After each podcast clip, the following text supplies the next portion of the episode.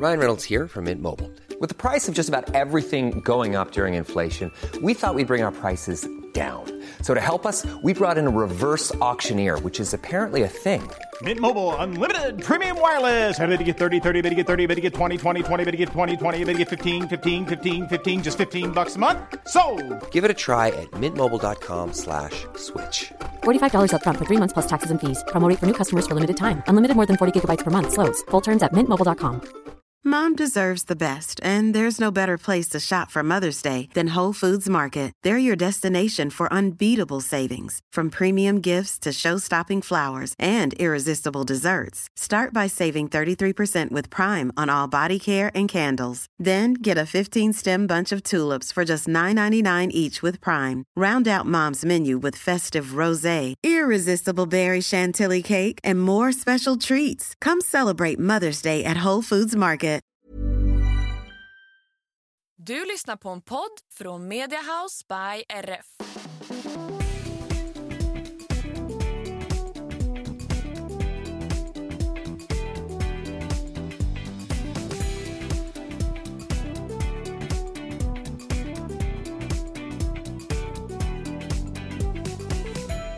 Halli hallå allihopa och välkomna till systrarna Älvstrands hästpodd avsnitt 201. Tjena, jag som pratar nu heter Anna. Och jag heter Emma och det här är podden om oss och våra fyra hästar och ridsporten i stort och smått. Stämmer hur fint som helst Emma.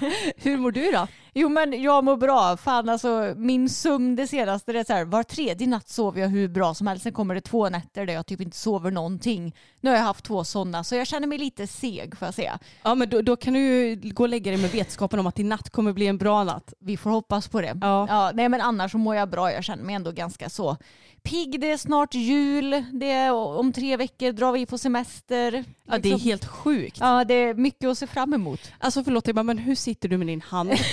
Du, du sitter med ringfingret och lillfingret så här och sen så sitter du så här. Alltså någon form av rock'n'roll fast ändå inte. Men Jag stretchar mina fingrar. Det är så Enligt, jätteobekvämt ut. enligt dig så är det ju något fel på mina fingrar för jag kan ju inte göra rock'n'roll-tecknet. Nej, hon- Emma kan liksom inte hålla. Rock'n'roll-tecknet är ju att man tar ut pekfingret och lillfingret och att det ska spreta som en skalbagge typ. Ja, Och att man samtidigt ska hålla i långfingret och eh, ringfingret. trycka in dem. Ja, men du kan ju inte trycka in dem. Du kan ju bara hålla lite på fingerspetsarna och så. Speciellt inte på vänsterhanden. Ja, herregud. Mina leder är ju inte de mest ja, välstretchade. Du är säga. inte överrörlig. Det Nej! kan man ju inte kalla dig.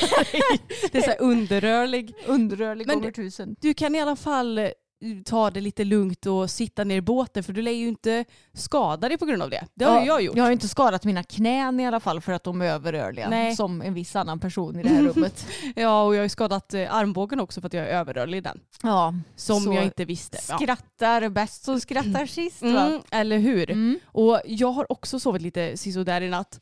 Men eh, jag ska ju till vårdcentralen sen också. Mm.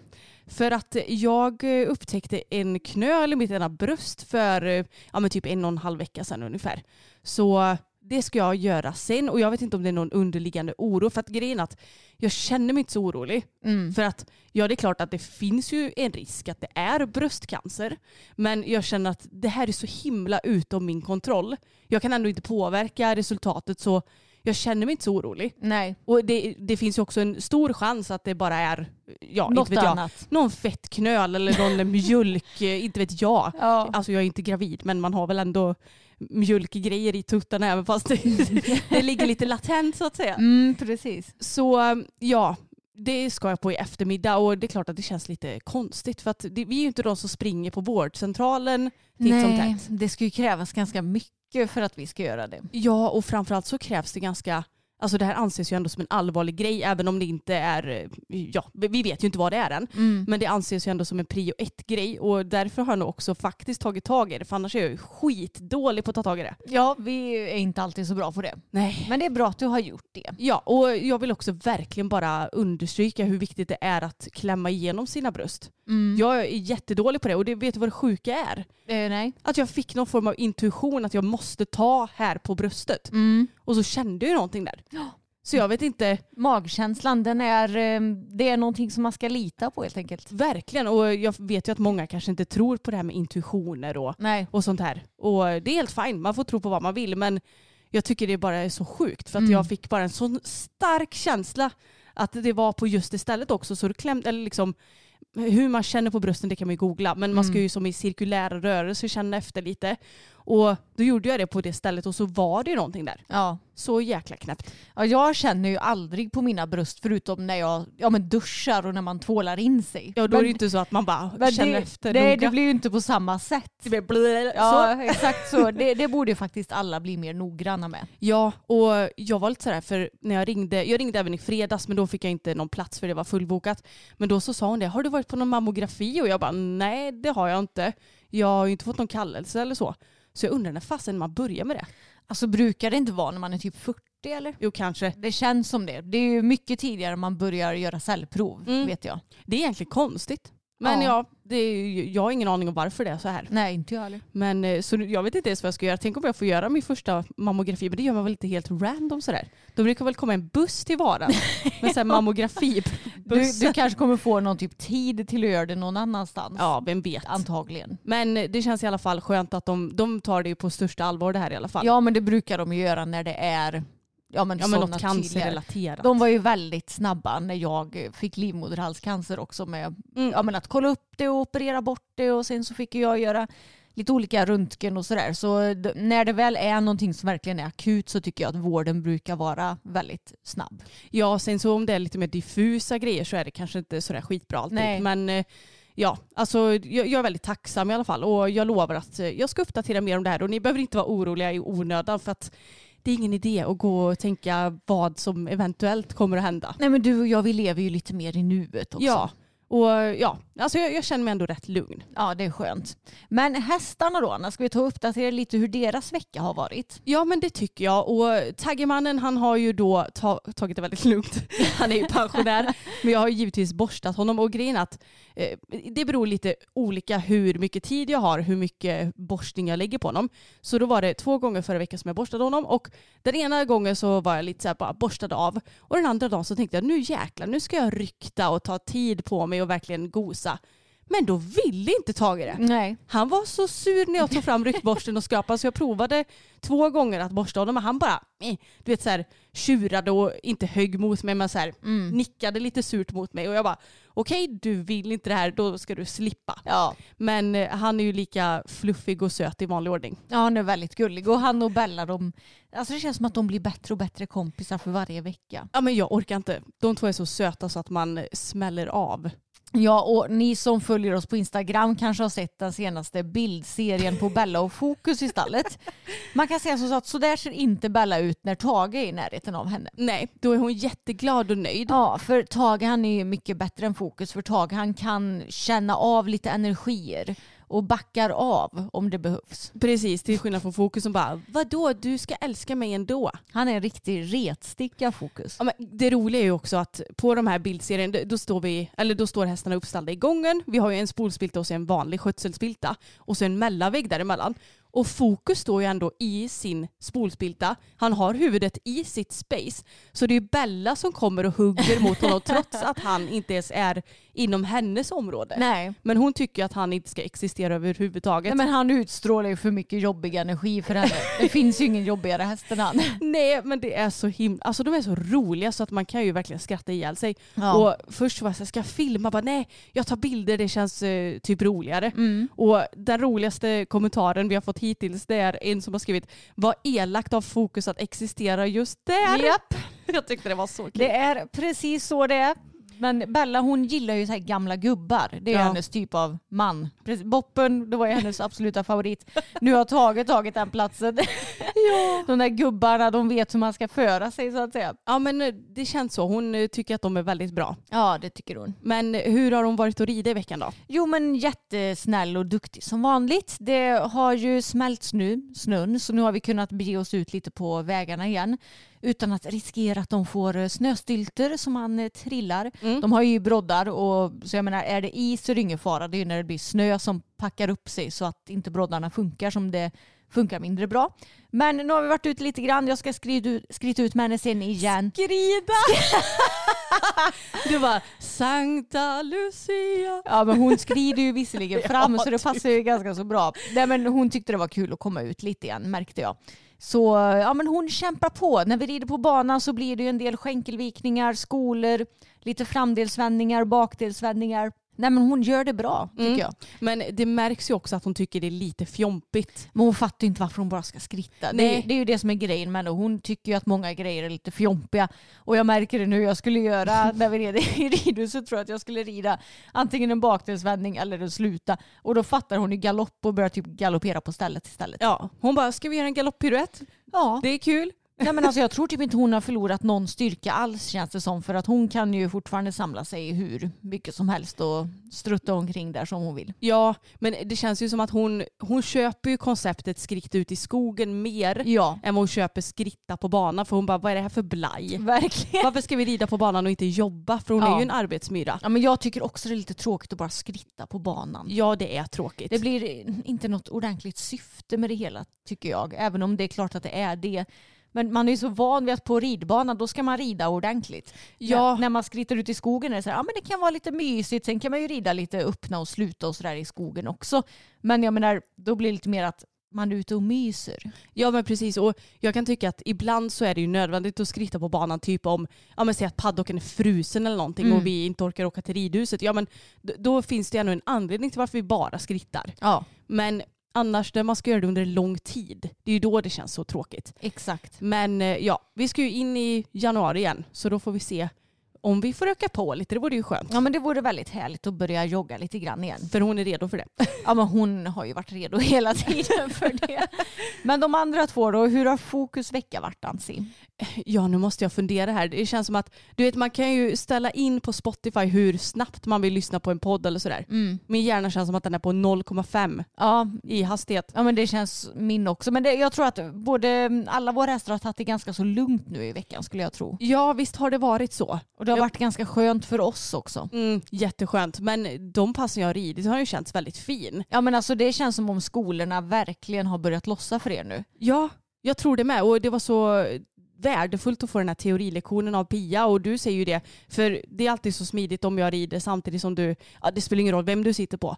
Men då kan du ta en liten paus så kan vi intensivt köra några skolor där du tittar ordentligt på mig också. Ja och nu har ju du ridit fokus samtidigt som jag har ridit Bella. För nu Mm. får hon ändå skrittas i 40 minuter. Jag tror nu den här veckan är det 45 minuter till och med. Mm. Och då, jag, jag skrittar ju på lång tygel en stund, sen skrittar jag på kort tygel och gör lite övningar, sen så får hon en skrittpaus och skrittar på lång tygel. Och när vi har haft de här skrittpauserna så har jag tittat lite på det både när du har gjort ja, men galoppombyten men också mycket när du har gjort skolor nu i traven. Mm. Och det känns, så, det känns så skönt för att jag tycker inte att det känns lika motigt längre. Och jag vet också den stora skillnaden i de två varven. Det är ju så att han har ju enklare för vänster öppna och höger sluta. Och det är för att han är svagare i sitt högra bakben. Så det, det är inga konstigheter. Men då vet jag också hur jag behöver göra på de svåra ställena. För vänster sluta, då har han svårt för att forma sig eller att ställa igenom lite i nacken. Och istället i högeröppnan så behöver jag eh, tänka lite mer än vad jag tror. För att han verkligen ska tvära så mycket som han behöver. Ja. Eller inte tvära men Ja, men- vinkla sig. Ja, och kanske få upp honom ännu mer på yttertygen Mm, där. Eller? Exakt. Mm. Så det känns som att det tar sig och det, det är verkligen det jag håller på att fokusera extremt mycket på i ridningen just nu. Ja. I skritten så börjar jag med att både göra skänkelvikningar och fram och bakdelsvändningar. Och sen så i traven så gör vi också skänkelvikningar och skolor. Jag t- gillar ju inte jättemycket att göra skolor i skritt så Nej, därför det, skiter jag i det. det är svårt. Ja, och sen så i galoppen kan jag ju också göra lite granna. Så att det känns som att nu, nu kör vi en intensiv Mm. period här så att det förhoppningsvis ska bli, lägga grunden till ja, men resten av vårt eh, skolliv.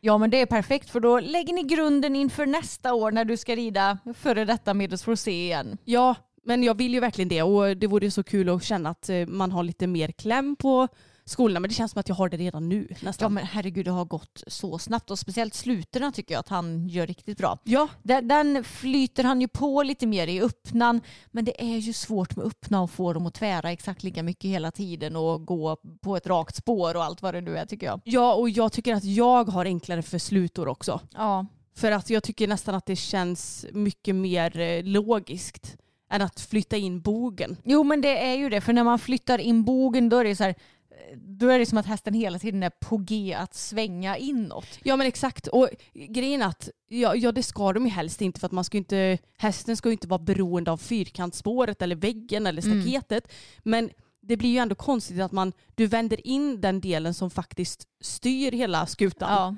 Alltså bogpartiet. Det är ju ändå den som egentligen säger vart du ska någonstans Ja, hela exakt. tiden.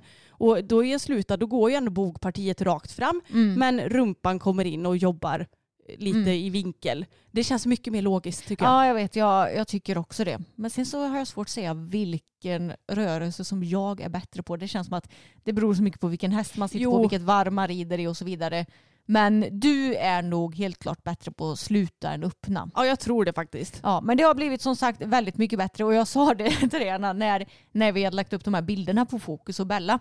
Att Anna, det är inte konstigt att han är så dålig på att flytta för sin skänkel. För att flytta för skänkel det är att flytta för ett tryck. Eh, antingen om du vill att framdelen eller bakdelen ska flyttas eller hela hästen. När han inte ens flyttar för det extrema trycket som Bella ger när hon vill att han ska flytta på sig. Nej. Alltså han, det är inte riktigt hans grej det där. Han- Jag tror inte riktigt att han fattar på något vis. Nej men han har nog aldrig fattat sånt där riktigt. För att det är ju egentligen likadant när jag jobbar mentalt med honom.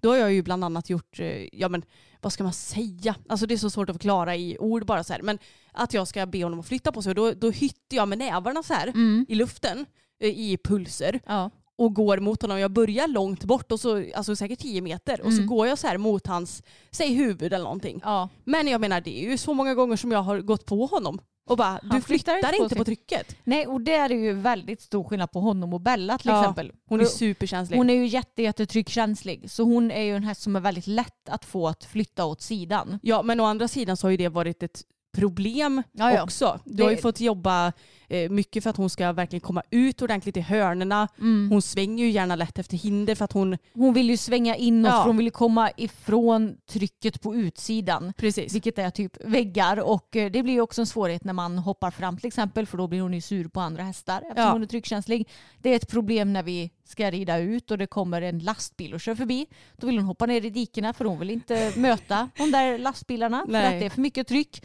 Så det är egentligen inte att hon ja, men är rädd för lastbilen i sig. Det är att hon har väldigt svårt när det blir för mycket tryck. Ja. Och det är någonting som jag har tränat mycket på. Men som jag också får inse att det är liksom bara sån hon är. Jag kommer inte kunna lösa det här problemet helt och hållet. Och då får jag bara ja, men försöka göra det bästa jag kan i de situationerna vi befinner oss i. Exakt och jag menar ingen häst är ju perfekt. Nej. Så därför så är det ju så. Det är Bellas grej och jag skulle säga fokus, han, han är ju lite tvärtom då. Att han är lite för otryckkänslig kanske. Ja, ja, men de är ju olika våra kära djur. Men Pebban då, hon har ju varit inne hos veterinären även den här veckan. Ja, för vi är två hundsmammor. Ja, men vi är två hundsmammor och tidigare, ja men förra veckan då, så insåg jag att ja, men hon har som en svullnad på sidan på magen, typ där sadeljorden ligger. Men jag tänkte att ja, men jag testar och rider ändå. Och så var hon surig, hon gick inte fram, hon gick och knäppte av, hon ville inte ja, men gå framåt, hon blev irriterad när jag använde skänken. Och hon är aldrig sån. Alltså hon har aldrig gjort några som helst protester i ridningen. Aldrig sparkat, aldrig bockat eller aldrig försökt komma ifrån handen på det sättet. Alltså Nej. hon är verkligen, hon har inga problem i ridningen förutom att hon kan bli lite stark och lång kanske. Exakt. Men annars så har hon inga ridbarhetsproblem. Så då var det så här, nej men någonting är fel. Och jag hade väl så här i bakhuvudet att det kan ju mycket väl vara den här svullnaden som hon- har här. Kanske har hon fått en spark av fokus för han kan ju vara en liten jävel i hagen mot henne. Ja. Han är en riktig liten... Alltså, jag, jag vill inte att man använder det här ordet men han är ett riktigt rövhål ibland alltså. Ja, verkligen. Och nu också när det har varit lite halt ute. Jag tänker att även om de har broddar så blir de väl kanske lite mer försiktiga och kanske inte kan flytta på sig lika snabbt. Nej och dessutom så har det ju varit töväder. Då kan Mm. snön packas i hovarna så broddarna de, de försvinner ju bakom snöstilterna så då Mm. hjälper de inte ändå. Nej exakt, så det har ju varit... Eh, Det har varit riktigt skitväder ärligt talat. Riktigt skitväder så jag tror att någonting har hänt i hagen. Jag eh, misstänker att det är Fokus som är gärningsmannen bakom det här. Ja jag skulle tro det. Mm, jag skulle tro det också. Så hon har ju antagligen fått sin spark vid sadeljordsläget. Men jag blev så här, nej men alltså jag vill åka in och kolla upp henne så att veterinären tycker att hon ser bra ut i övrigt så det inte är någonting med ryggen. Eller men så hon vi inte blir- halt. Ja vi blir skitnojiga att det skulle vara en diskskada precis som Bella fick för fem år sedan. Mm. Exakt. Men vi åkte in till vår kompis Moa på Husaby som kollar på henne. Och precis som på vettchecken så var hon ju jättefin på både longering och böjprov. Och, eh, Moa kände igenom henne. Hon reagerade inget när hon klämde på ryggen eller något sånt där. Vilket de brukar göra om de har någon ryggskada eller diskskada. Så Moa sa att nej men alltså det enda jag ser idag det är den här svullnaden. Mm. Så vi har helt enkelt väntat ut det hela, behandlat den lite grann och så ska jag testa att rida nu i veckan och förhoppningsvis så kommer det att gå bra. För nu kan inte jag se att hon är svullen längre. Och hon var också lite öm när man tog på den och hon var också varmare där mot på andra eh, ställen på magen. Ja men hon var inte varmare där igår va? Nej, Nej. det var hon inte. Så jag tror att eh, det är nog ganska så läkt nu. Så jag tänker idag ska jag bara longera henne för att se hur hon rör sig. Och sen imorgon tänker jag att jag testar och rider henne igen. Så Mm. hoppas jag att hon ska vara sin, eh, sitt gamla vanliga jag igen. Mm, det hoppas ju verkligen jag också. Men det är bara så kul när, eller det är inte roligt när sådana här grejer händer givetvis. Men vi var ju i Ullared också och på GKs i onsdags, alltså nästan en vecka sedan. Och handlade en himla massa och då var det ju du som betalade och så, ja, vi tyckte det var enklare. Mm. Och så delade vi på det sen och så, så skulle Emma åka och handla lite på fredag sen. Mm. Och bara, jag hittar inte min plånbok. Alltså jag orkar inte med fler motgångar nu. och jag bara, men du kan ju inte kalla en borttappad plånbok för en motgång. Jo, det kanske är en liten sådan, men det är en motgång. Då tyckte jag du var rolig. Det var så här droppen som fick bägaren att rinna över. Och då sa jag lite skämtsamt att det kanske är där vår kamera är som vi inte hittat. Mm, precis, ja, för då var det så här, jag hade tappat bort kameran, Pebban var, ja, jag var orolig för att hon var skadad. Mm. Ja, men det hade varit så här för mycket och när Mm. det kommer då en till liten grej Jo, jag vet. så jag orkar inte med och jag har varit med tillräckligt med skit de senaste åren så min, eh, min smärttröskel den är inte jättehög längre. Vet du vad jag råkade göra i morse då? Nej. Jag eh, skulle ta med mig, jag, ibland är jag lite lat så orkar jag inte fixa min mat i en matlåda. Så jag tog Mm. med mig, jag ska äta lax till lunch idag. Så jag tog med mig den förpackningen med varmrökt lax. Så kommer det så här portionsbit och så skulle jag ha med mig kokt potatis också som låg i en kastrull. Ställde den på altanstaketet och så skulle jag bara låsa dörren. Då trillar den ner. Ja. Men som tur är, för jag, jag har kokat sådana små, små delikatesspotatisar. Det ser Ja. ju typ ut som färskpotatis. Så tur är så trillade bara ett gäng ur. Mm. Jag hade ändå kokat ganska många. Så det är dugligt till en portion. Ja, annars så hade jag, eller jag har mer potatis Ja. ifall du skulle behöva det. Ja, alltså jag är ju sån, det löser sig ändå. Jo. Men det var bara så kul. För det är en sån grej som Det- jag ja. hade antingen så skrattar man åt det. Mm. Eller så bara Ja, men har man en dålig dag så är det Ja. ju snarare det alternativet. Ja. Men jag, jag hittade plånboken i alla fall. Jag hade, jag hade lagt den i en av Ullaredspåsarna så den kom fram när jag packade upp allting. Men sånt där är ju så kul. Ja men jag visste ju väl typ det. Jo, egentligen. men då tänker man under tiden, eller man kanske inte tänker så mycket, men då tycker man att det här blir ett jättebra ställe att lägga plånboken på. Mm, jag vet. Och sen några dagar senare bara, vad fan är det någonstans? Ja, det, jag kan säga att det tog sin lilla tid att packa upp allting för när vi är på Ullared vi köper ju hur mycket förbrukningsvaror som Mm. helst. Schampo, t- tvål. Micellärt vatten. Men hör och häpna, ansiktsvattnet var slut. Jag hade planerat att köpa typ ja, men 10-12 stycken Ja, men alltså, du brukar ju köpa 20 stycken typ. Ja, så fanns det inget. Fan vad sur jag blev då. Så nu kommer jag ju få köpa det i vanliga butiker senare. Ja. ja men grejen är att vi har ju typ alltid gjort så här. Även när vi var små så mamma och pappa har ju alltid handlat mycket på Ullared. Du vet, Mm. Jag vet inte hur mycket man sparar på det längre i och för sig. Nej, Men jag tycker alltid att det är så skönt att Ja. ha det hemma jag vet. bunkrat. Då behöver man inte tänka så mycket utan, och då ser man också att okej nu tog jag sista tvålen. Mm. Så då, då har man lite koll på läget känns det som. Exakt, så det tog sin lilla tid men nu känns det väldigt skönt när allt är inne i skåpen. Mm. Eller lite mysigt så här, lyssna på en podd och sen packa upp allting och så har man det klart. Ja. Det är lite satisfying ändå. ja men se du kan det här med att organisera och städa Ja, lite men va? jag kan om jag vill. ja men vi hade en bra dag i alla fall. Vi shoppade lite på hästavdelningen också. Lite tecken och Mm. lite hästgodis och sådär. Ja, jag får säga att vi har ju inte använt, jo jag har nog något stalltäcke från Lippo. Mm. Men jag får ändå säga att jag tycker att det är ett väldigt bra täcke. Mm. Vi köpte 50 gram, alltså typ flisfodrat regntäcke fast utan flisdelen från Lippo och då köpte vi det till Bella och Pebban. Och de hade bara upp till 155. Jag vet inte om det är Mm. överlag så eller om det bara var att Ullared inte hade fått in den Nej. storleken. Och det kanske är så här, det är kanske lite kortaste laget. Bellas eh, skinkor och sticker ut li- lite, lite Bellas, grann. Bellas hamstrings sticker ut lite.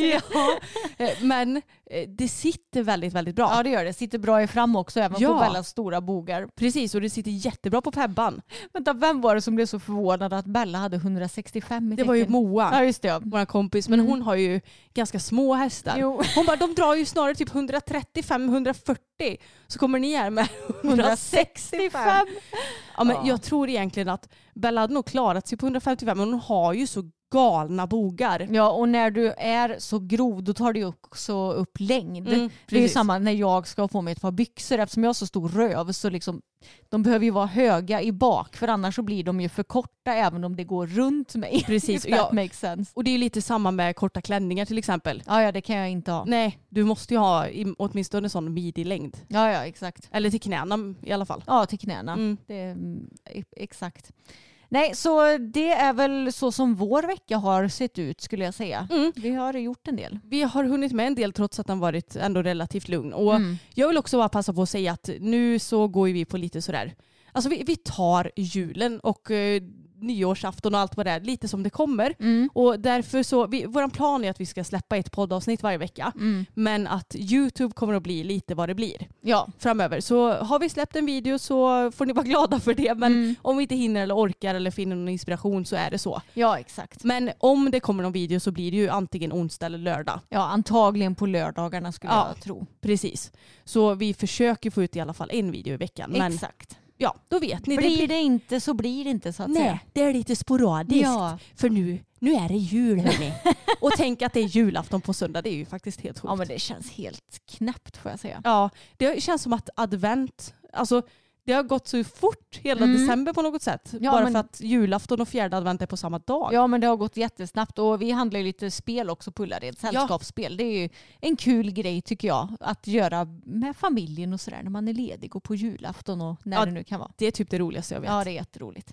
Och om vi ändå ska bara passa på att tipsa om ett sällskapsspel Mm. så är ju det, När då då heter det va? just det, när då då. Mm. Det är ju att man ska försöka komma ihåg ungefär vart, när vissa tidpunkter hände. Eller försöka precis. gissa i alla fall. Man ska sätta ut eh, en tidslinje kan man ju säga. Mm. Och tio olika årtal på en tidslinje. Mm. Ja, det, det låter ju inte så himla roligt men det är väldigt kul. Och jag tänkte ju när jag spelade det här spelet första gången att ja, men jag som är så allmänbildad jag kommer ju vara jättebra på det här. Men det är jag fan inte bra på. Nej, du har väl typ inte vunnit en enda gång eller? Nej, jag jo, har vunnit, någon gång. Ja, jag har vunnit ett par gånger. Men eh, nej, det är inte lätt för det är så... Vissa grejer är så konstiga och att man inte har... Alltså det kan vara liksom både här och där. Ja, och vissa grejer tror man ju att man har koll på Ja. och så har man inte alls det. Nej, och sen 0 till 100 är ju ett roligt spel också. Ja, det är också kul. Man ska gissa på tal, ett tal mellan 0 till 100 baserat på olika frågor och så den som har minst mellanskillnad vinner. Mm. Det låter inte heller jättekul när vi beskriver det så här men det är väldigt roligt. Ja. Och det är jag nog eh, lite bättre på än eh, när då då skulle jag säga. Men mitt eh, absoluta glänsarspel är ändå Vem vet mest? ja, men vi spelar ju inte riktigt som man ska kanske. Men vi, vi svarar ju på frågor och så Jo, får man poäng vi. om man vinner. Eller. Jo, men det är ju ditt glänsarspel men det måste ju vara för att du har varit med i Vem vet mest? Eva? Precis, och det är lite kul också på tal om det här Vem vet mest-spelet att jag och mamma vi brukar ju alltid komma ett och tvåa. Så jag och mamma, mamma hon är precis som mig, hon är allmänbildad, hon vet lite om mycket. Mm. Sen har vi pappa som typ alltid kommer sist på, när vi spelar Vem vet mest. Men han är ju den som kan de här helt sjuka Ja. frågorna som ingen annan människa kan. Nej, men alltså, det, det är tråkigt att vi inte kan komma med något exempel här Mm. nu. Men det är verkligen så här riktigt knepiga frågor. Han bara, ja ah, men det är sådär. Man bara, Ja. hur fan vet du det? Jag vet, sånt som han kan nörda in Ja. sig på. Och, nej, men det, det är faktiskt väldigt roligt. Så, eh, Jag tror att pappa tror att han är mer allmänbildad än vad han är. Ja men det, grejen är att han nördar ju in sig på så Mm. specifika saker så han kan ju inte lite och mycket som jag och mamma kan. Nej, Och men du, jag är, ju också... du, du är lite mitt emellan skulle jag Ja, säga. jag, jag är nog lite allmänbildad men är ändå lite nördig i vissa saker också. Ja men när du, jag, mamma, pappa och Samuel spelar så brukar väl du alltid komma trea ändå eller? Jag tror det. Ja, någonstans där i mitten. Ja. Så du är lite mitt emellan. ja. In betweener. Precis. Jag är så lite halvdålig på allt. Nej det är du inte gumman. Fast jag har fan tyckt det typ hela min uppväxt. Jag bara, jag är inte riktigt bra på någonting. Men vet du vad jag tänker också? Nej. Det är helt okej. Ja det är det verkligen. Alla blir inte proffs och vem vet, jag kanske hade varit så här skitbra på skidor. nej, men- nej okej det vet jag att jag inte är men något som man aldrig har testat. Ja. Men då känner jag också att jag kanske inte har intresse av det heller. Nej, alltså absolut. förstår du? Jag är ju istället helt tvärtom. Jag har ju haft, alltså när jag var yngre hade jag ju världens självförtroende. Det fanns Mm. inget barn med så mycket självförtroende. Så jag tyckte ju att jag var bäst i världen på tennis, på cello. Engelska. På engelska pratade jag ju flytande enligt mig själv när jag var tio år. Eh, det gjorde jag absolut inte men jag trodde det när Fast vi var... om man jämför hur mycket svenska du kunde när du var tio jämfört med nu, då kunde du väl typ flytande engelska? Ja. För det var väl ungefär samma ord du kunde i båda språken. Nej, men alltså, jag tyckte ju att jag var bäst på allting. Jag var ju smartast i skolan, jag var bäst på matte. Ja, men alltså, jag tyckte ju att jag var bäst på allting då. Ja, Nu är jag lite mer ödmjuk. ödmjuk och medelmåttig. Ja. Det är så här, det är synd att man inte har kvar det där självförtroendet hela livet. Du, jag tycker det är ganska skönt. Jag hade nog inte riktigt tolererat Nej. det på samma nivå om det hade varit så där äckligt. Eh, ja, hade så haft sånt äckligt självförtroende. Men- Nej, det är jättebra med självförtroende men på det sättet som du hade när du var barn, det var ju lite så här. Ja, men det är också Mhm. därför som jag är en sån tävlingsmänniska Ja, fortfarande. Jag vet. Det var för övrigt någon som tyckte att vi skulle göra ett eh, Harry Potter-quiz, vilken, eh, vilket elevhem vi är i podden. Just det, det kanske vi får ta och göra. Ja, det kan vi kanske göra någon gång. Då Mm. får vi se vad vi blir.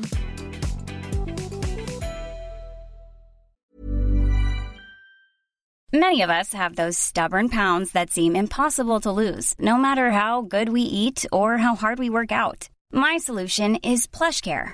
PlushCare is a leading telehealth provider with doctors who are there for you day and night to partner with you in your weight loss journey. They can prescribe FDA-approved weight loss medications like Wagovi and Zepbound for those who qualify. Plus, they accept most insurance plans. To get started, visit plushcare.com slash weight loss. That's plushcare.com slash weight loss. Hold up. What was that? Boring. No flavor. That was as bad as those leftovers you ate all week. Kiki Palmer here, and it's time to say hello to something fresh and guilt-free. Hello Fresh. Jazz up dinner with pecan-crusted chicken or garlic butter shrimp scampi. Now that's music to my mouth. Hello Fresh. Let's get this dinner party started. Discover all the delicious possibilities at hellofresh.com. Men Anna, vi pratar ju en hel del om dressyrbedömning i den här podden. Och det är ju mycket på tapeten nu också efter allt om Helgstrand och vad domare premierar på högre nivå och sådär. Och då tyckte jag att det var så intressant för vi fick tipsat av vår följare Daniella att dressyrryttaren Lewis Carrier, han är en brittisk kille, 26 år, så han är ju väldigt ung för att tävla på den högsta nivån i dressyr. Han hade ridit i London där det var tävlingar, vad blir det, förra veckan? Ja det måste det blivit va? nu när vi spelar in tror jag. Och eh, då hade han varit med på London Horse Show och han har då fått vissa kommentarer på sitt program. Jag tror det var Grand Prix. Eh, och då har han fått kommentarer från domare och man säger att han har fått betyg typ 7 med kommentarer neck deeper, bit rounder, open frame, a lot to like but sometimes a little bit too high, lot to like in between, he gets a little open in the frame. Och sen har då Lewis kommenterat det här. Turns out working hard to have a horse that isn't behind the vertical and takes the contact forward doesn't get you marks. Slightly disheartening but you won't find me riding with a shorter neck tomorrow.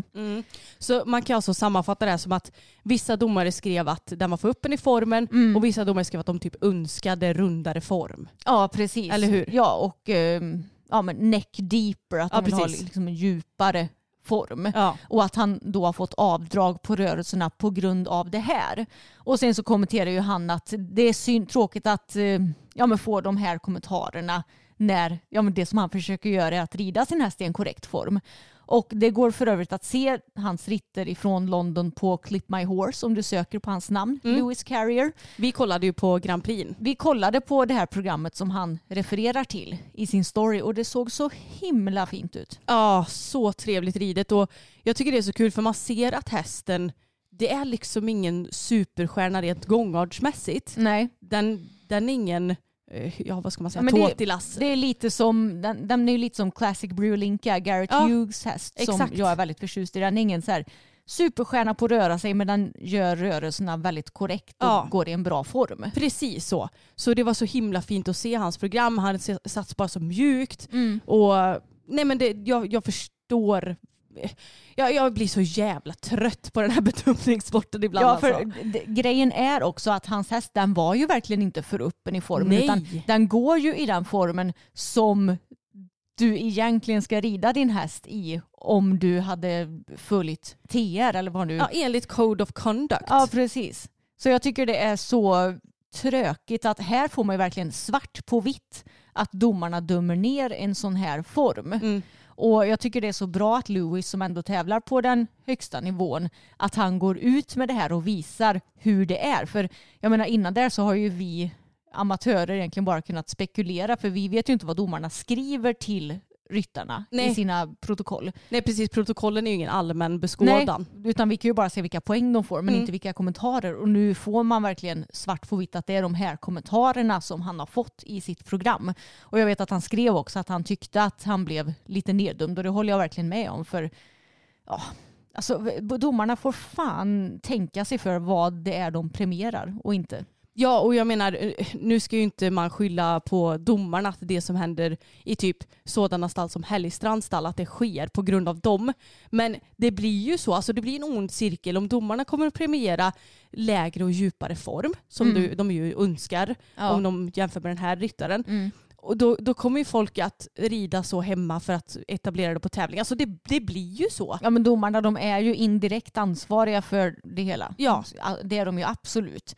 Så det är tråkigt. Jag hoppas att vi kommer få se fler yngre ryttare som Lewis som ja, men kanske har ett lite nytt och fräschare tänk som fortsätter att rida sina hästar i en trevlig form. Jag menar om om det kommer fler och fler yngre som gör det och att inte de yngre adaptar den ridningen som man mycket ser idag. Mm. Jag menar, då har ju inte domarna egentligen något annat val till slut. alltså, De bara, fan nu måste vi plocka ut den bästa av de sämsta här. exakt. De som rider i en alldeles för öppen form och hästen ser glad ut. Åh Ja. nej. Åh nej ja. Ja. ja. nej, så väldigt intressant tycker jag att läsa det här samtidigt som man blir väldigt irriterad på det hela. ja, givetvis. Men det är ju ändå kul att ha fått någon, eh, för jag har aldrig hört om honom tidigare tror jag. Nej, inte jag heller, men det är också för att Alltså jag, är, jag tittar inte jätteofta på dressyr. Jag är inte superduper insatt. Jag har koll på liksom de absolut högst rankade dressyrryttarna i världen och hur det brukar se ut när de rider. Mm. Men de här lite mer up and coming, de har jag mindre bra koll på. Nej men precis, jag har inte heller så bra koll. Men det är ändå kul att ha fått någon ny att ja, men hålla ögonen lite på, på ett positivt sätt. Ja men exakt. Och som sagt, vill ni se hans ritt så är det bara att gå in på clipmyhorse.tv och söka på Lewis Carrier. Mm. London kan man säkert söka på också. Har Blond Dressage delat någon, något filmklipp på honom? Nej, jag tror inte Nej. Fastän det kanske var någon annan ryttare som jag tänkte på då. Mm, Men eh, ja, jag, jag tycker det är värt att kolla om ni nu har Clip My Horse. precis. Jag vill inte skaffa det bara för den här. Nej.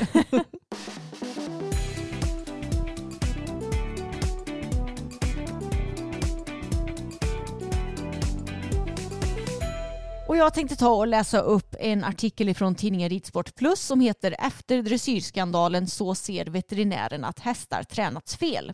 Och det här är då en krönika ifrån veterinären Anneli Hellström. Och den här har fått väldigt många kommentarer på Facebook och jag tänker att jag tar och läser upp den. En som ofta ser hästar som inte tränats i självbärighet är veterinären Anneli Hellström. Jag jobbar med träning av hästen från ett hälsoperspektiv och har fördjupat mig inom belastning av hästkroppen, belastningsskador och råd kring träning, säger hon. Jag ser hela tiden hur kropparna har anpassat sig efter belastningen och det går att se på en kropp om den är tränad i självbärighet eller inte. Exempel på hur det kan synas är att hästkroppens muskulatur är över eller underutvecklad på vissa ställen samt på vilken hållning hästen har. Det syns också på benens leder och på hur hästen står och går på sina ben och hovar, berättar Anneli Hellström. Om jag kan se att hästarna inte är tränade i självbärighet så tycker jag att även domarna borde kunna se det. Anneli menar att det är träningen som är prestationen och inte den korta stunden på tävlingsbanan. Det måste finnas en felkälla när man kan tävla och få resultat som gör att man kan försörja sig på sin träning när man har tränat en häst på så fel sätt. Då måste bedömningen av träningen vara felaktig. Det är ett systemfel. När jag ser filmen från Helgstrand ser jag pengar, att hästen blir ett kugge i ett maskineri. I filmerna syns bland annat hårt inspända hästar och hästar som rids på gramman. Att just halsen är så betydelsefull beror på att den är en del av kotpelaren. En häst måste tränas och förberedas för att bli en ridhäst och att träna upp bärigheten gör man genom att träna hela kotpelaren. Det som händer i halsen påverkar också resten av kotpelaren som inkluderar allt från huvudet till svansen. Och här kommer det lite fakta om hästens halskotpelare och den innefattar hela ryggen från huvudet till svansen. Det vill säga att hästen har kotor ja, från nacken och sen hela vägen till svansen på överlinjen. Just det, och det är kotpelaren. Ja, precis. Mm. Och frambenets muskler fäster på halskotpelaren och är beroende av att halsen fungerar som ett stabilt fäste för musklerna. Och inom dressyr så vill man ha ett långt steg, något som försvåras när mekanismerna sätts ur spel. Och många biomekaniska funktioner sätts ur spel när man rider hästen hårt inspänd eller med hård hand. Alltså när man tvingar nacken och halsen till en position där den inte ska vara. Anneli Hellström berättar att om käkvinkeln mellan underkäken och första nackkotan blir mindre än vad som är anatomiskt korrekt kompenserar hästen genom att böja halskotpelaren istället. Det är det som kallas att hästen knäpper av. Halskotpelarens viktiga biomekaniska funktion sätts ur spel och bärigheten går förlorad. Vävnad överbelastas och på sikt utvecklas belastningsskador på många olika ställen i kroppen, inte bara halsen. Och det här tycker jag att det kan vi kanske förtydliga lite grann för det ser du ju ofta att ibland så går ju inte alla hästar bakom lod sådär supermycket men du ser att de ändå går väldigt ihopknökade så att ganachen nästan liksom ligger direkt emot halsen. Ja men precis, det finns ingen ganachefrihet som Nej. vi brukar kalla det. Men eh, var det det hon sa, vinkel på ganachen ja. jämfört med nackkotan? Eller vad skrev hon? Uh, käkvinkeln mellan underkäken och första nackkotan ja, just det. blir mindre än vad som är anatomiskt korrekt. Ja, just det. Och då kompenserar hästen det genom att böja halskotpelaren istället. Mm. Och det ser du ju tyvärr ofta Ja för då blir det lite svanhals så på dem Ja va? men exakt, mm. lite, lite svanhals. Ganachen kommer väldigt nära hästens underhals. Mm. Så det är ett sätt som man kan se det hela på. Mm. Och det här är ju då som sagt inte bra för hästen utan den kan utveckla olika belastningsskador till exempel. Mm. När kotpelaren inte har tillgång till sina funktioner och är vältränad så kommer det förutom att påfresta rygg och bäcken även att överbelasta benen. Vikten hamnar i för hög grad nere i benen helt i onödan. En bärig kotpelare bär vikt. Den avlastar benens leder och känsliga strukturer. Och här antar jag då att ja, men om hästen går på det här felaktiga sättet så ökar risken för kanske kotledsinflammationer, hovledsinflammationer, vad det ja, nu kan vara. Det finns det, ju... Ja, det skulle jag också gissa på. Precis. Och det är också, här blir det väldigt tydligt varför det är viktigt att att så småningom lära sig hur man rider en häst i form. Precis. För att det blir mycket mer hållbart än om du bara skulle ja, men, latcha runt eller ja. Ja men att få hästen bärig bakifrån och fram och Precis. att det inte finns någon fördel med att sätta på hästen en inspänningstygel. Exakt. Riskerna med att halsen böjs kraftigt är många, inte bara rent biomekaniskt. Jag märker att hästen blir väldigt stressad om den inte kan använda sin hals. Hästen har balansen till stor del i halsen. Om vi låser fast halsen på hästen och sen ber den röra på sig så är det som att binda en människas händer bakom ryggen och be människan gå på lina. Det blir slitna leder, problem med ryggen, benen överbelastas i onödan och hästen hamnar automatiskt i framvikt. Det går heller inte att skapa samling på ett korrekt sätt. För samling innebär att hästen flyttar vikten bakåt. För detta behövs en vältränad kotpelare med full funktion. Och det där tycker jag också var en väldigt bra sammanfattning. Också så här, varför vi inte föredrar inspänningstyglar till exempel. Verkligen och så. aldrig använder det och har inte gjort det sen vi var unga och dumma. Nej och inte heller vid longering eller någonting. Det, det här Exakt. är faktiskt intressant för jag longerade Fokus idag innan Mm. vi spelade in. Och grejen är att Fokus han är ju, han är ju speciell häst på många sätt. Och jag tror att någonting med hans antingen mentala eller så har han någon kroppslig grej som gör att han har lite sämre balans än vanligt. Jag tror inte det är något fel på honom i den formen att han har något som Abbe hade, något wobbly syndrom eller någonting. Det Nej. tror jag absolut inte. Men jag tror att det är någonting som är lite, lite bajsig med balansen. För att Mm. i vänstervarv, när jag, eh, jag har skrittat, jag har travat och så ska vi fatta galopp, då är det ganska ofta som han fattar korsgalopp. Mm. Alltså att han galopperar i höger galopp med bakbenen Ja. och i vänster galopp med frambenen och sen byter han ju alltid. Så Mm. att han galopperar i bara vänster galopp. Men det tog nog fem fattningar idag innan han fattade ordentligt vänster galopp. Och skulle jag då spänna in honom i ett sånt läge, Mm. då skulle det bli ännu svårare för honom att hitta balansen och fatta galopp själv. Mm. Han, är, han är ju inte en så självbärig häst och det är därför jag tror att det också är ganska bra för honom att ibland longeras. ja, För att då måste han hitta sin balans och bärighet och sådär. exakt. Så det är ändå en intressant grej. Verkligen. Att vissa i eliten tar till våld för att träna hästar är illa nog, menar Anneli. Men det värsta är att jag ser det överallt. På ridskolan knycklar eleverna ihop halsarna och så får de höra att nu går hästen i form. Det blir ett systemfel. Man får lära sig fel från början. Jag har känt mig ganska uppgiven i många år när jag ser hur många likes man kan få för felaktig träning. Det finns kunskap men det är många som struntar i kunskapen. Där måste det hända något för det här är inte okej ur ett djurvälfärdsperspektiv. De som försöker dela med sig av sin kunskap blir inte lyssnade på.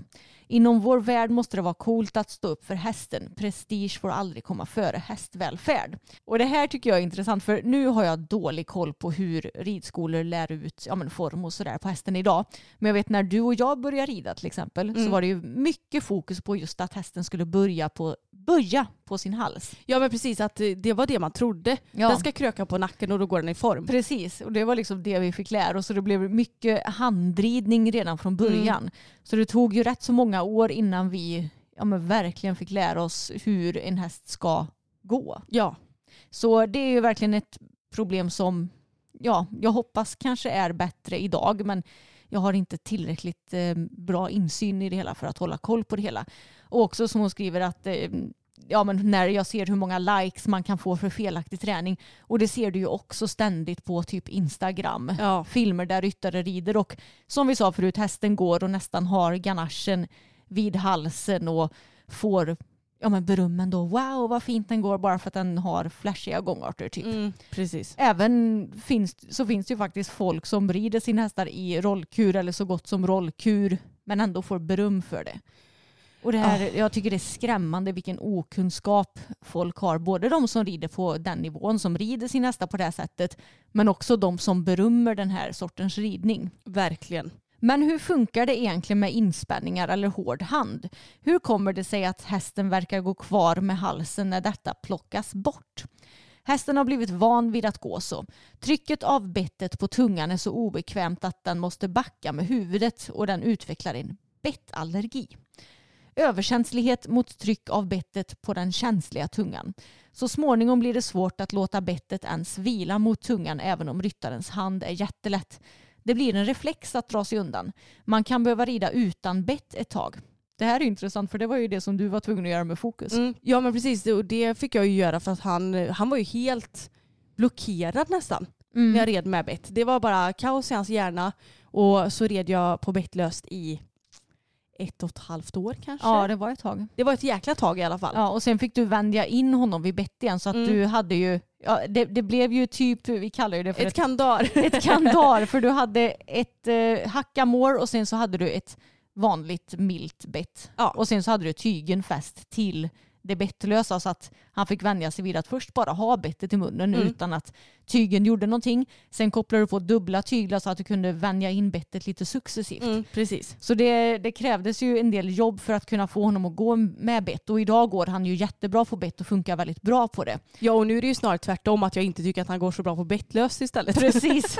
Så ja, det, jag känner igen mig väldigt mycket Mm. i det här med fokus som ju är den av våra hästar som har blivit så felriden redan från början. Ja, och jag måste säga det också att jag tycker att det är väldigt svårt att få honom att gå korrekt. Just för att han har varit så felriden alltid. Jo tack, jag fattar inte hur du kan få honom att gå så bra som jag har sagt tidigare här i podden. Nej men det är ju väldigt, väldigt lätt att han hamnar bakom lod. Ja, Och det är ju även med mig. Och jag kämpar febrilt för att få honom att verkligen alltid gå eh, Ja men antingen på lodplan eller strax framför men det är skitsvårt ja. med en häst som har lärt sig fel redan från början. Japp.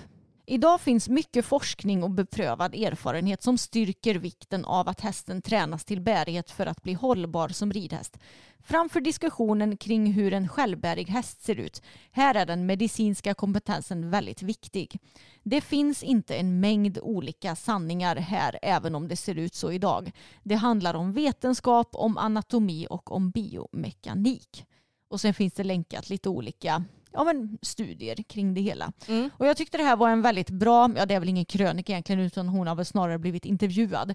Men jag tyckte det var intressant att få höra det hela hur, ur eh, en veterinärs perspektiv. Verkligen, för även om vi förstått vissa grejer så är det ju inte så att vi har det på eh, papper riktigt exakt hur det är. Och det makes so much sense att halsen, det, det har jag också vetat att det är ju Mm. där hästen håller sin balans. Precis. Men om man tänker på hur en häst är uppbyggd jämfört med oss så har vi har ju inga långa halsar. Nej. Jag menar en häst har ju, dens hals är ju väldigt väldigt känslig på så Mm. vis. För att den är lång, den är skör, Mm. den, ja du förstår hur jag menar, den är ju liksom utanför kroppen som ändå är den stora massan. Precis. Och då man ska hålla på och knöka ihop den eller spänna in Mm. den med massa, det är klart att det blir konstigt och jobbigt för hästen. Precis och det säger ju sig självt också att om du gör det så kommer du lägga mer vikt på frambenen Mm. än om hästen har en hög och bärig hals där den går i korrekt form. Då kommer den ju lägga mer vikt på bakbenen Mm. vilket ju är det vi vill. Så jag tyckte det var en väldigt bra artikel och jag eh, vet att det var flera som kommenterade på det var, det var vissa som kommenterade på Instagram att man kan ju inte begära att dressyrdomare ska veta lika mycket om det här som en veterinär. Men jag menar de måste ju ändå ha grundläggande kunskaper så de vet vad de bedömer. Och jag syftar i synnerhet nu på de internationella domarna. Ja. De måste ju för tusan kunna se hur en häst jobbar korrekt, hur en häst utför en rörelse på ett korrekt sätt. Och det är många som har kommenterat att om jag som, är en amatör kan se att Andreas Härligstrands hästar inte jobbar korrekt, då ska väl för fan en domare kunna göra det. Men det är ju jättekonstigt. De borde ju, visst jag fattar att de kanske inte kan på en, eh, inte vet jag, grundlig nivå. Vänta nu, så är jag rätt. Eh, Du menar fördjupande ja, nivå? Fördjupa, Mm. tack. En fördjupad nivå kunna precis allt om hästens anatomi och bla bla bla. Nej. Men det är väl klart att de måste kunna lite grann om det eller? Ja, ja. För det har ju stor betydelse i hur, hur hästen går på dressyrbanan. Precis, och jag tyckte också att det var intressant när artikeln för du hör ju ofta ja, men att kanske ryttare som lite mer har sina hästar som en industri, att deras hästar behandlas ju ofta av veterinär för olika typer av ledinflammationer till Mm. exempel. Och det är ju inte så konstigt när de rids på det här sättet och också att det ses på som en sån bagatell. Att istället för att ändra om träningen så fortsätter du att spruta hästen i lederna och sen så är det bra. Sen tar du på den där grammanen igen och knökar ihop hästen och jag vet att det var ju Sönke Rotenberger för några år sedan måste det väl bli som hamnade i tvist med var det sin veterinär? För Men att, just det, ja, det hade jag förträngt. Jo, eh, för att eh, ha- hans häst hade blivit behandlad alltså sinnessjukt många gånger på Mm. ett år. Alltså när man läste det så eh, blev man ju helt förstummad. Ja, man blir fan mörkrädd alltså. Jag tror att vi har pratat säkert om det i podden tidigare men jag vet att det är väldigt eh, konstigt. Ja, men jag fattar inte hur det kan... Alltså, det måste ju finnas någon form av gräns att du får inte behandla din häst mer än så här många gånger per år. Ja men samtidigt måste hästen få vård om den behöver Jo, det. jo, jag vet men jag menar mer att eh, du ska inte få rida sönder din häst. Nej, jag alltså vet. det måste finnas någon regel kring det. Eller hur fan kan man tycka det är etiskt korrekt? Ja jag vet. Lotta Också kanske veterinärer som har hand om de här hästarna som får hela tiden de här återkommande ledinflammationerna eller belastningsskador, vad det nu kan vara. Mm. Att de kanske får informera de ryttarna ordentligt om vad det beror på och vad de kan ändra på i träning och hästhållning för att eh, ja, det inte ska bli så. Men alltså det känns ju som att nu, nu vet ju inte jag hur konversationen går mellan Mm. ja, Synkes häst och eh, bla bla bla. Mm. du fattar. Men det känns ju lite som att de kanske inte vågar säga ifrån heller. Nej. För att på något sätt så känns det som att ja, men de ryttarna som rider i världskuppen och, och så, de är ju som gudar för folk. mm. Så då, de vågar man inte säga ifrån eller Nej. ifrågasätta. Exakt.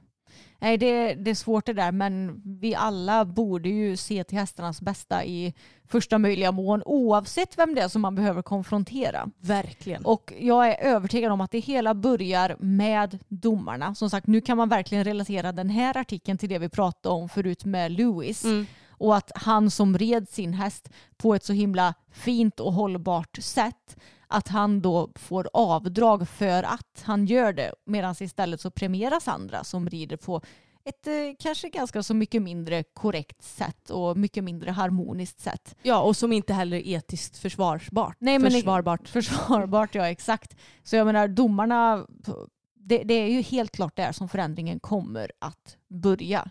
För om de börjar döma schysst ridning bättre så kommer också vi se en minskning av den här hårda ridningen och felaktiga ridningen. Mm. Och sen kan jag också, jag, jag kan köpa att man som domare kan bli lite eh, hjärntvättad och färgad om man bara ser hästar som går lite bakom lod och lite ihopknökade och, och sådär. Ja. Då, då är det klart att det blir typ det nya normala. Mm. Att okej nu är det så här det är. För att jag tror inte ens att man tänker på det. Nej. Men nu när det pratas så jävla mycket om det, det, det forskas så mycket om Mm. hur den här ska gå i form. Det finns så mycket fakta bakom. Då borde man väl ändå kunna öppna sina ögon eller? Ja, och, och- våga döma Precis. på annat sätt. Och jag menar det finns ju också bra exempel även på de större tävlingarna. Det finns Ja, ju ja. vissa ryttare som rider sina hästar i en trevlig form. Så du har ju också de goda exemplen mitt framför ögonen. Mm. Bara det att du väljer kanske att premiera andra mer. Mm. Men vi ska ta och avrunda dagens avsnitt. Tusen tack för att ni har lyssnat. Glöm inte att prenumerera på podden om ni inte redan gör det. Vi finns ju på Youtube, där heter vi systrarna Elfstrand. Och det heter vi även på Instagram. Ja, och så får ni ha en riktigt god jul nu allihopa. Mm. Det ska vi verkligen ha. Och vi hörs ju igen antagligen på annandag jul då blir det ju. Ja det blir det va? Ja, det blir det. Ja. God jul och ha en fin ledighet om ni är lediga. Ja, hej då! Hej då! Ever catch yourself eating the same flavorless dinner three days in a row? Dreaming of something better? Well, HelloFresh is your guilt-free dream come true, baby. It's me, Gigi Palmer. Let's wake up those taste buds with hot, juicy pecan-crusted chicken or garlic butter shrimp scampi. Mm. Hello Fresh. Stop dreaming of all the delicious possibilities and dig in at HelloFresh.com. Let's get this dinner party started. Mom deserves the best, and there's no better place to shop for Mother's Day than Whole Foods Market. They're your destination for unbeatable savings, from premium gifts to show-stopping flowers and irresistible desserts. Start by saving 33% with Prime on all body care and candles. Then get a 15-stem bunch of tulips for just $9.99 each with Prime. Round out Mom's menu with festive rosé, irresistible berry chantilly cake, and more special treats. Come celebrate Mother's Day at Whole Foods Market.